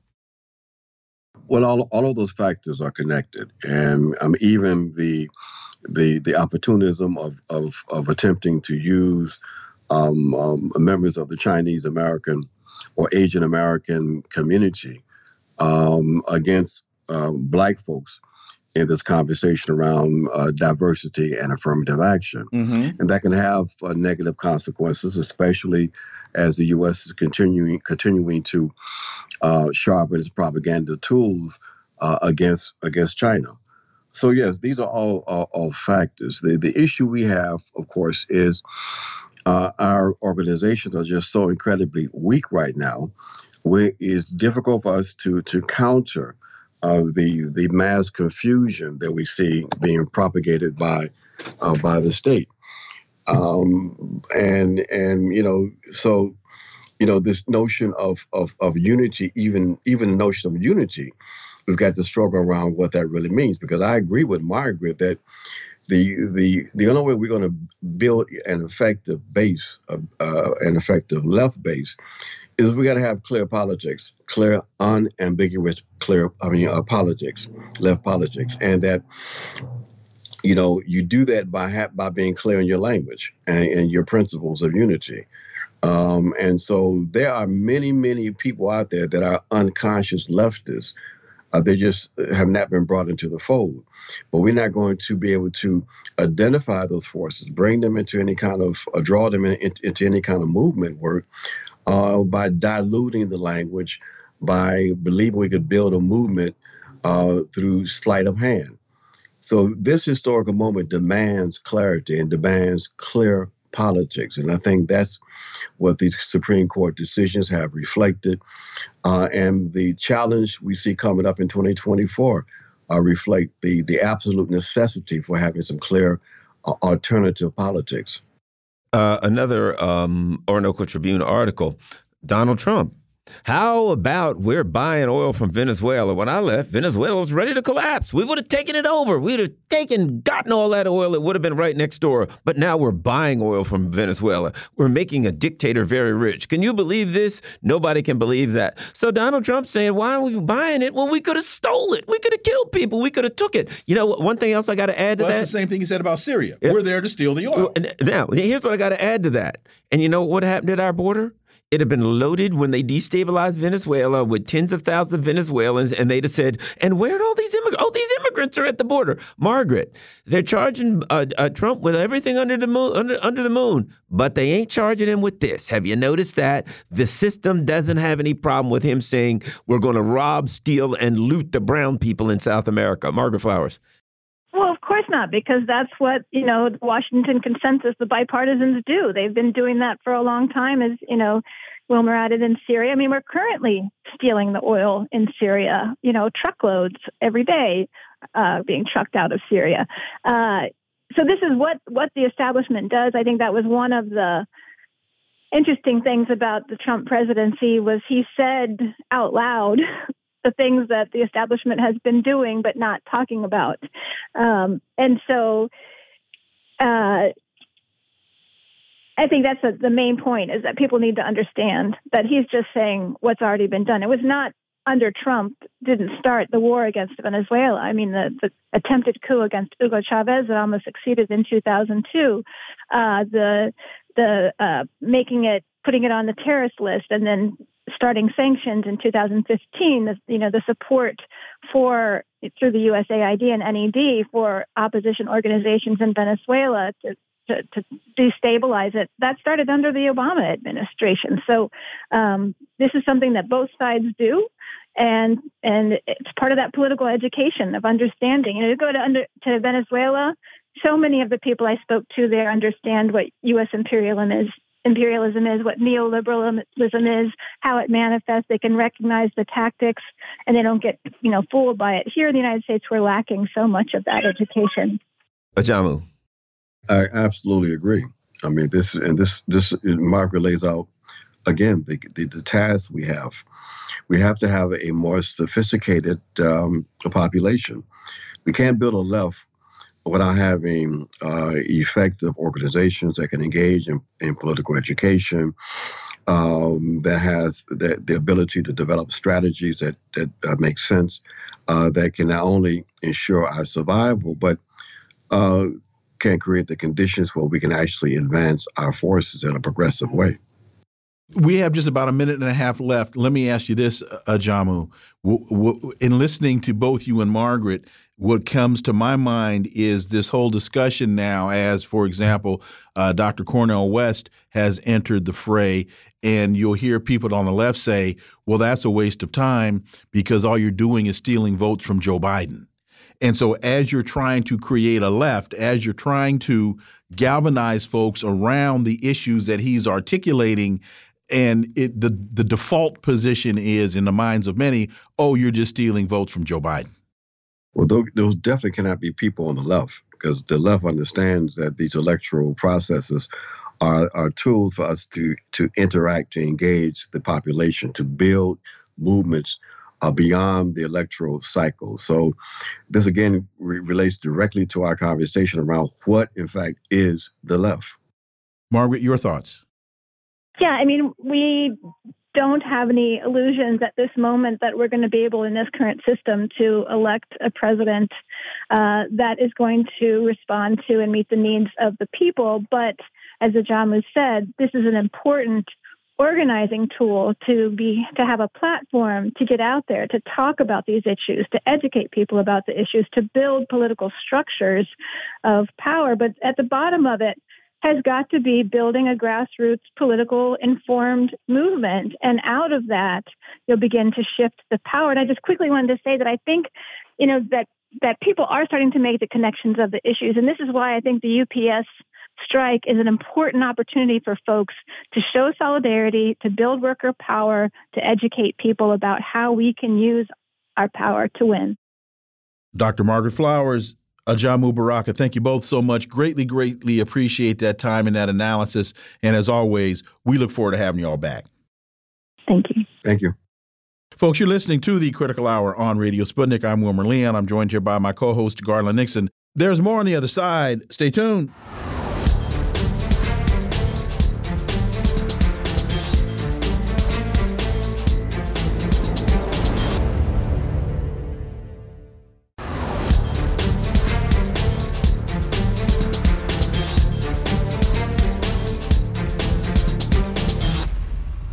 We are back, and you're listening to the Critical Hour on Radio Sputnik. I'm Wilmer Leon, joined here by my co host, Garland Nixon. Thank you, Wilmer. NBC News reports, uh, according to their most recent poll, 68% of voters have worries about Biden's mental and physical health. The recent national NBC News poll has some decent news for President Biden, despite the survey showing him with an overall approval rating uh, in the low 40s among registered voters. But with that, Biden leads Trump by four points nationally in a hypothetical matchup which, by the way, is identical to his popular vote win in 2020. His favorable unfavorable rating in the poll was 39% positive, 48% negative, and is higher than Trump's 34% positive, 56% negative. And just like in 2020, Biden is ahead among independents in his matchup against Trump. Well, what does all of this mean? Well, it's Friday. So let's turn to our second panel. We're joined by the national organizer for Action for Assange, Steve Poikonen. As always, Steve, welcome back. Thank you very much, gentlemen. Great to be here. We're also joined by an independent journalist whose work can be found at Substack and thepolemicist.net, Dr. Jim Kavanagh. As always, Jim, welcome back. Thank you for having me. Well, as we discuss what NBC says is decent news, and there's also bad news for Biden and the Democrats. The bad news is 68% of all voters say they have concerns about Biden having the necessary mental and physical health to be president, including 55% who say they have major concerns. Steve, I'll start with you and ask your thoughts on this data, and more importantly, I think I can speak for Garland on this. We were surprised when we saw this story. It was either yesterday or the day before, and it prompted us to, to start discussing are we being set up for the Democrats to dump Biden and find a what they would consider to be suitable replacement? Steve Poikonen. Well, a couple of things on that because the the margin of error on this poll goes from three and a half to four and a half Correct. So it's a it's a so, dead heat. Uh, uh, yeah, statistics. I mean, it could be it, it, neck and neck. Right. And, and this is if you know the indictments don't go the way the Democrats want to. I believe we're going to talk about it coming up. I mean, the indictment seems to be helping Trump, at least among GOP voters. There, there's a number of different issues that come into play regarding specifically Donald Trump. But that aside for the moment, I do agree, and I have thought for a little while at least I mean, we talked, we were talking about this a couple of years ago. I think the the uh, possibility of you know multiple extra innings for Kamala Harris if something unfortunate were to happen to Joe Biden and she would be appointed at least until the election. Uh, there's the the real likelihood that the Democrats want to put Gavin Newsom on the national stage to the delight of comedians everywhere. Um, but yeah, I do see I do see a scenario at least in, in where the Democrats have gained out the removal of Biden in a, a last minute replacement. Dr. Jim Kavanagh. Joe Biden is not going to be the Democratic nominee for president in 2024. I'm going to say that now. I've said it, you know, I think before. I don't think he will be. Look the trend. Look at the trend here. It's gotten worse since 2020. 51% in 2020 said they had major concerns, 68% now. That trend is going to increase more quickly. The, the rate of increase of that is going to get worse. He just walked off this set of Nicolle Wallace's show the other night, in the, not in the middle, but at the end of the thing, you know, while she was still speaking. and of course, we found out from him that the Russians are losing the war in Iraq. So you know, this isn't going to get any better. Oh, don't Democrats, wait a minute, wait a minute. Don't forget, uh, we, we, always got to say, "God save the Queen." Yeah, oh, must say, must absolutely, uh, and take me out to the ball game. but, hey, fought a war in 1960 over stuff like that. but uh, so this is going to happen. You know, they can't, and the Democrats know it. They are. I guarantee you, they're all sitting around now trying to figure out how they're going to get Gavin Newsom in here because he's the only one, you know, that's going to head off Kennedy. Uh, but they got to do this relatively. You know, they got to they got to have a strategy for this. Kamala Harris is a disaster. I don't think they can appoint a president for one day. Uh, you know, uh, she's one of the polls show last week that she was the most unliked? She had the lowest poll numbers of anybody ever in the history of polling or something. So they're they got a very very difficult situation, and this is why RFK Jr. has a has a real shot, and they're going to they're going to. I don't see who else it can be, but I think they're going to try and head him off with uh, with Gavin Newsom. Well, uh, here's an article that may show, show a little something. Fact check on Newsweek: Did RFK Jr. use a Russian photo in a campaign ad? They couldn't resist, could they? He might have used it. They said he has a photo, and it's just possible that the background could have been in Russia, and he might have had Russian dressing. He might have been in a hurry, and he was rushing somewhere. I mean, there's a lot of Russian going on. And here's what I think may have precipitated this latest thing. this was an interview. As a lifelong Democrat, you just said very passionately that you will pledge support to whoever uh, uh, uh, oh, excuse me, as a lifelong Democrat, as you just said very passionately, will you pledge support? To pledge to support whoever the Democratic nominee is. Um, uh, uh, Elizabeth Vargas asked RFK, whoever it is, whether it's you, whether it's President Biden. Of course, I'm not going to do that, RFK Jr. told the visibly surprised Vargas. You're not going to do that? He says, No, I don't know what I'll do. And now all of a sudden the story comes up hey, they didn't have anything else. They don't have um, Twitter, they don't have Buff Bernie pictures, they don't have any of that. So, Steve, it's possible that a picture in one of his campaign ads had something in the background that was resembling to Russia. Could have been the sun, and hey, they got sun in Russia. I, do you think that disqualifies him, Steve? Uh, you know, we're going to have to look into it because using a standard website for your merch that's a third party that just uses background stock images of people and then swaps out your shirt for whatever the current shirt was. Uh, that shows a clear and direct line to the Kremlin.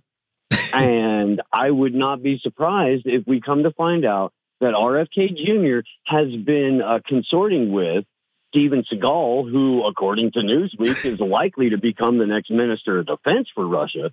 So I, I you can see a clear delineation of deception and, and tomfoolery afoot. That aside, I'm currently arguing with RFK Jr. on Twitter about this loyalty pledge thing and him uh, and him not signing because, as we all know, the 2017 DNC fraud lawsuit clearly stated that without that loyalty pledge, the DNC is going to go out of their way to eliminate your ability to get onto a ballot, participate in a debate, fundraise, or have any sort of media coverage. So it would be really nice to see uh, at least what his plans are to circumvent that if he wants to find himself a legitimate candidate on the ballot in all 50 states.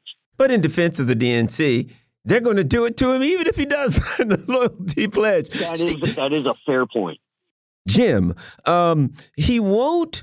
Uh, RFK will not sign a loyalty pledge. Does that mean that he possibly is either related to, or perhaps I've never seen him in the same room? Perhaps he actually is Vladimir Putin, Jim Kavanagh you know, this is so silly. This uh, taking a stock photo, which was probably made in Russia. Yeah, sure, because everything is made in Russia or China. even the stock photos they don't have anymore. I'm sure they can find a pair of socks that RFK Jr. wears that was made in China.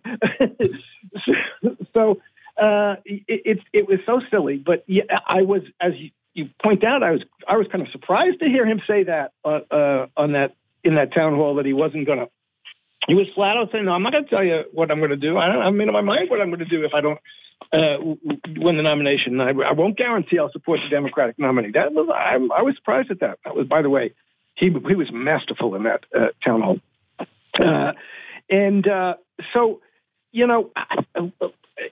It's it's it's so silly. Uh, I, I, don't know where you, they think they can go with this. They have nothing else to do, as you say. Uh, uh, they, they're going to get him with anti-vaxxer and they're going to get him with this, but he handles all of that very well. People listen to him. So what are they going to do? Uh, it, uh, it, it's it's beyond uh, silly at this point, and it, it is very comic. And uh, uh, we'll have to see how they're going to go with this because they want to they want to crush him. And it's good that he doesn't uh, say who, who he's going to uh, support. And uh, I, I, let's see what happens with that 2017 pledge that Steve mentioned. That's very important. He doesn't care, as you say. He knows they're coming after him anyway, so he's just going to ignore that and force them to either listen to uh, take take account of what the voters do and what the, and what the, what their constituency says, and he's going to push right through it. It's very interesting to see this. Wilmer, do you, don't you? Do, let me ask you this, Wilmer. Yes. Do you think if you say yes, doesn't that kind of give them a license to to rob you? Doesn't isn't oh, it kind of like even you, if isn't it? It sounds like this to me, Wilmer. Hey, man, if we rob you and we take it, will you still will you still support us? Sure. All right, we're gonna rob you. because he he uh, in fact you and I were talking about this earlier today and and the point that I made was he he even if he plans to do it saying yes now he relinquishes all leverage and that was one of the mistakes that I believe Joe Biden made back in 2020 was when he said I'm going to uh, select a woman to be my vice presidential running mate. He said that too early in the game. He put himself in a box that he then could not extricate or get himself out of because he made the commitment too soon. Um, there's a there's another huge developing international issue Protests are sweeping France. France has been rocked by a wave of protests after a 17 year old youth was shot in the head by police near Paris during a, a traffic stop. Uh, Steve Poikonen, uh, France is ablaze, and this right now isn't playing out well for Emmanuel Macron. Not, not at all. I mean, it's been three days of absolute riots. I was watching video of a stolen bus flying through the street. There's been over 2,000 cars burned, several hundred businesses and uh, buildings damaged, all kinds of, you know, and this is, it's wild to watch because not only is it um, a somewhat similar incident to the one that we experienced three years ago with, with George Floyd. It, similar set of circumstances, but there's also the aspect of it that the BBC and a number of other Western outlets have now decided to frame everything that's happened as the result of the rise of far right political right. parties in Europe. Mm-hmm. So there's the political spin around it. And then there's the reality on the ground, which is for years the French have been protesting and close to or actually rioting uh, regarding specifically Macron's ineptitude and march towards neoliberal uh, utter collapse.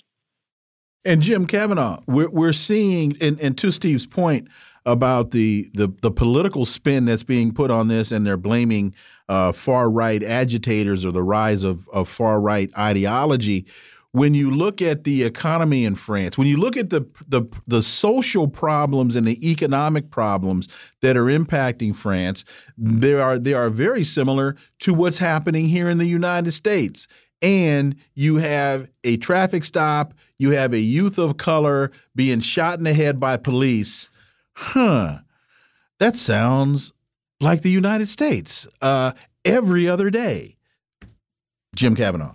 Yeah, well, you know, look, as Steve said, this is this isn't just popping up now. The yellow vests have been going on for years. The French have been demonstrating and uh, for months about Ukraine and NATO and neoliberalism, and precisely this was in the yellow vests. This was, you know, the difference between the United States and France is that France has a socialist tradition. They have social democratic programs that are considered standard and taken for granted. And neoliberalism in, in France is destroying that. And there's been resistance against that. Here in this country, we don't have those programs. and people don't even come out and, and, and, and uh, demonstrate in any way about when they go after the slightest versions of welfare state programs we have, like Social Security and, and Medicare. So this is a tradition in France of protest against really neoliberalism capitalism that's being portrayed as right wing and to, to a certain extent right wing forces are going to take advantage of it. Because again if you don't have any left wing populism you will have right wing populism. Because the populism is there. The populist anger at what's been done to them and what's being done to them is there and it's righteous. And you know, when you shoot someone in the head and you lie about it and the videos are there and they can show you that the guy, the cops lied and they shot this guy in the head. So a great thing of, of an ambulance driver har- haranguing the cops and saying, you know what you've just done? This city is going to blow up. And, and it's really just, uh, you know, why isn't it happening? It, the, the, the thing Americans, you know, should be doing is what's going on in France. It's what's going on here. Why isn't that happening here? We should be having the constant demonstrations and militant demonstrations against what's being done to us and against the, the social economy and the injustice and the inequality that the French are doing. But no. Steve, I got to add something to, to this too, because you know if you go online, here's what you see. Oh, that's what they they brought in these immigrants. They allowed the Muslims in and the Africans and blah blah blah. And I and I think like this: How'd they get here? What, what, why is it that Niger has all of this gold that gets mined and not a dime of it goes to Niger? It all goes to the Bank of France.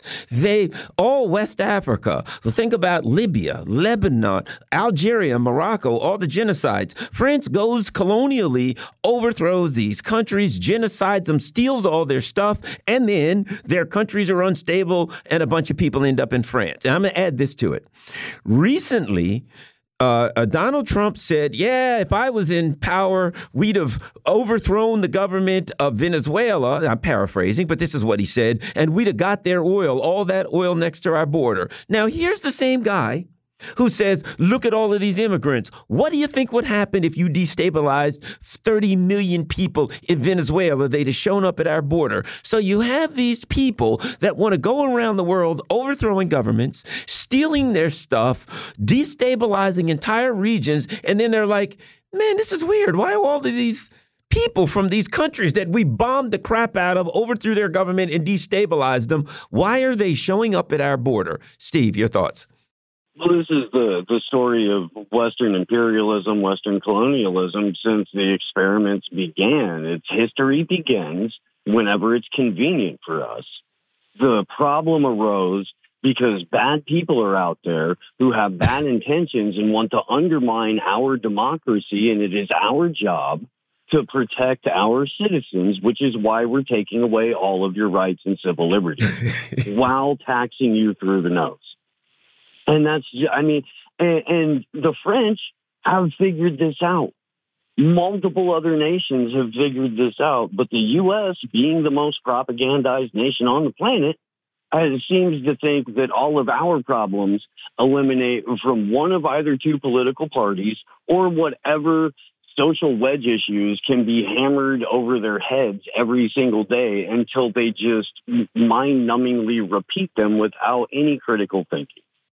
Jim, if, and if I could add this, and then the working class people say, validly so, well, there's all of these immigrants, they're going to drive down wages and they're going to cost our jobs. There's a validity, there's some validity to that argument, but here's the thing: the neoliberal capitalist uh, uh, uh, uh, um, oligarchs specifically want that. You know what I mean? They want to bring do whatever they can to lower wages. So all they destabilize countries and regions. Then the people end up migrating in, and then they take advantage of the of the people who migrate. Now, let's say they don't have a green card. Well, you can pay them less than minimum wage, and you can take advantage of them. So it the oligarchs win, and then they get the average schmuck on the street blaming the immigrant and and and for you know the plight that was created by the by the oligarchs. It's called the meat packing industry in the United States, in the Midwest. It's called the crab cleaning on the eastern shore in, of Maryland. On the eastern shore of Maryland. It's called your uh, hotel cleaning crew in American hotels, and and the the list uh, goes uh, on. The and building on of buildings Jim. and all of that. Jim, Jim, Capital. And and the kitchen staff. Look, yeah. absolutely. There are two main reasons why mass illegal immigration happens, but one is because they want it for uh, cheap labor, as you say. It started in Europe and Germany with the Turkish immigrants, and it started, you know, in the United States with the Bracero programs and the wetback programs and blah blah blah. And the second reason is that reason that you know uh, Bobby Kennedy said, and that you were talking about that our policies in, the, in, in Central America and Latin America drive people into desperation, and they come here, and we have to deal with that. So these are the reasons why you have mass immigration. And and I agree. Look, uh, you know, uh, there's a Bernie, as Bernie Sanders said, open borders in the sense that let everybody come in without it. That's not that's what the capitalists want to a certain extent, and but it's also now undermining that because it's come to a point where it doesn't make any sense anymore. So, uh, you know, again, you're going to have, unless you have a left pol- political force that is able to have a coherent uh, uh, program about this, that is based on class politics and based on proletarian internationalism, which is not the same thing as capitalist globalization. you know, and it's the opposite of that. And this is this, what you have is a rhetoric about uh, in, in, uh, immigration, which goes from kind of right wing. These people are desperate. They're not rapists and they're criminals. They're desperate people. So they shouldn't be crapped on and talked talked about as if they're some some kind of evil people. But on the other hand, you need to be able to regulate your own economy in a, in a certain way. But you don't have a left leadership of this, so the right wing is going to take uh, take advantage of it, and you're going to have just kind of chaos. Uh, it, it, it, plus, the right wing talking about it in some way that that sounds strong.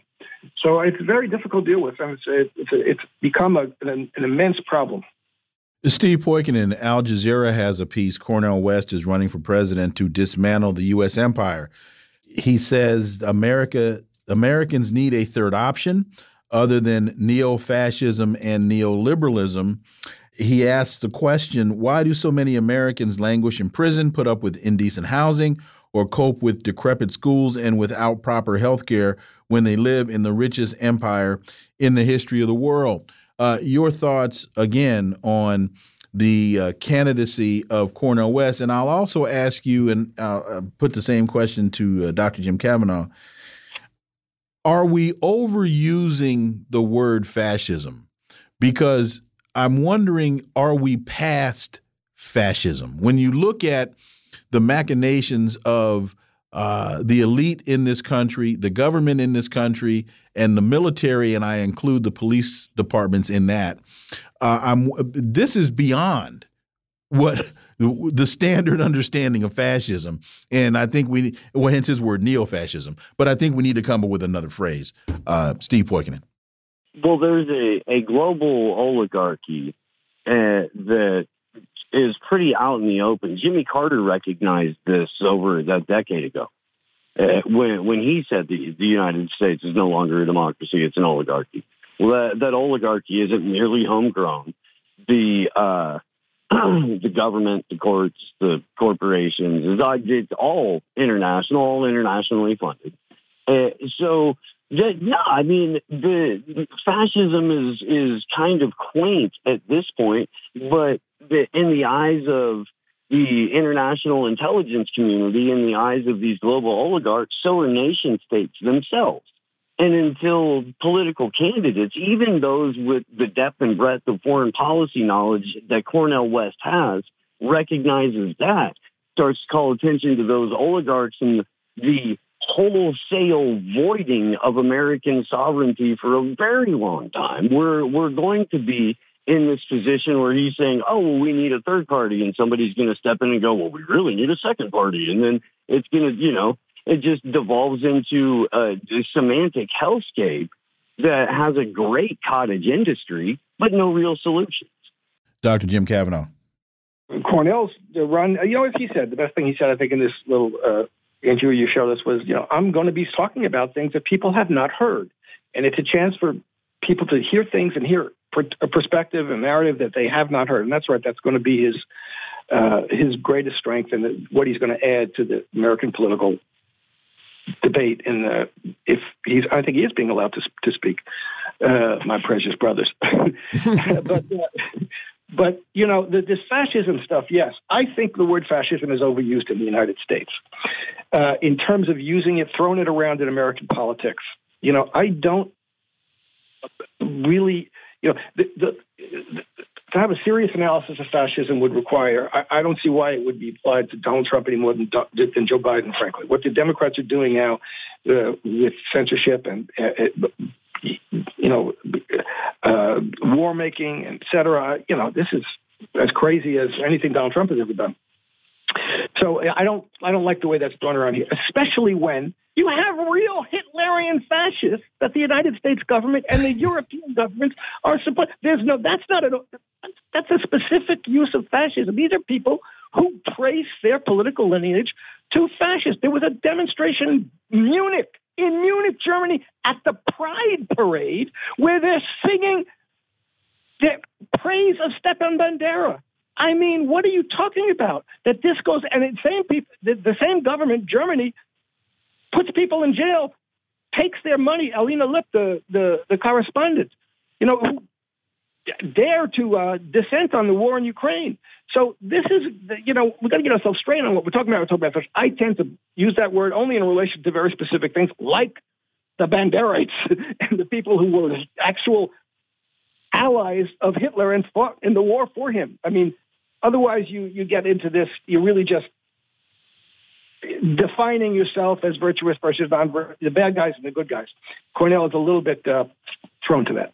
During a House Armed Services Committee on Wednesday, Representative Matt Gaetz uh, proposed a resolution authorizing President Joe Biden the use of military force to take out the Chinese military assets, assets that are taking root in Cuba, even though the Pentagon has already said that story is false. But uh, we're sending weapons to Ukraine because Ukraine has a right to do whatever they want with whoever they want.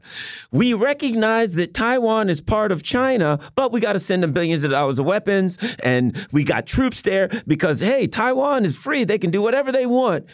But if there is a rumor that Cuba may be having a pizza party with somebody from China, we got to blow it to smithereens. No hypocrisy there. Steve Poikonen.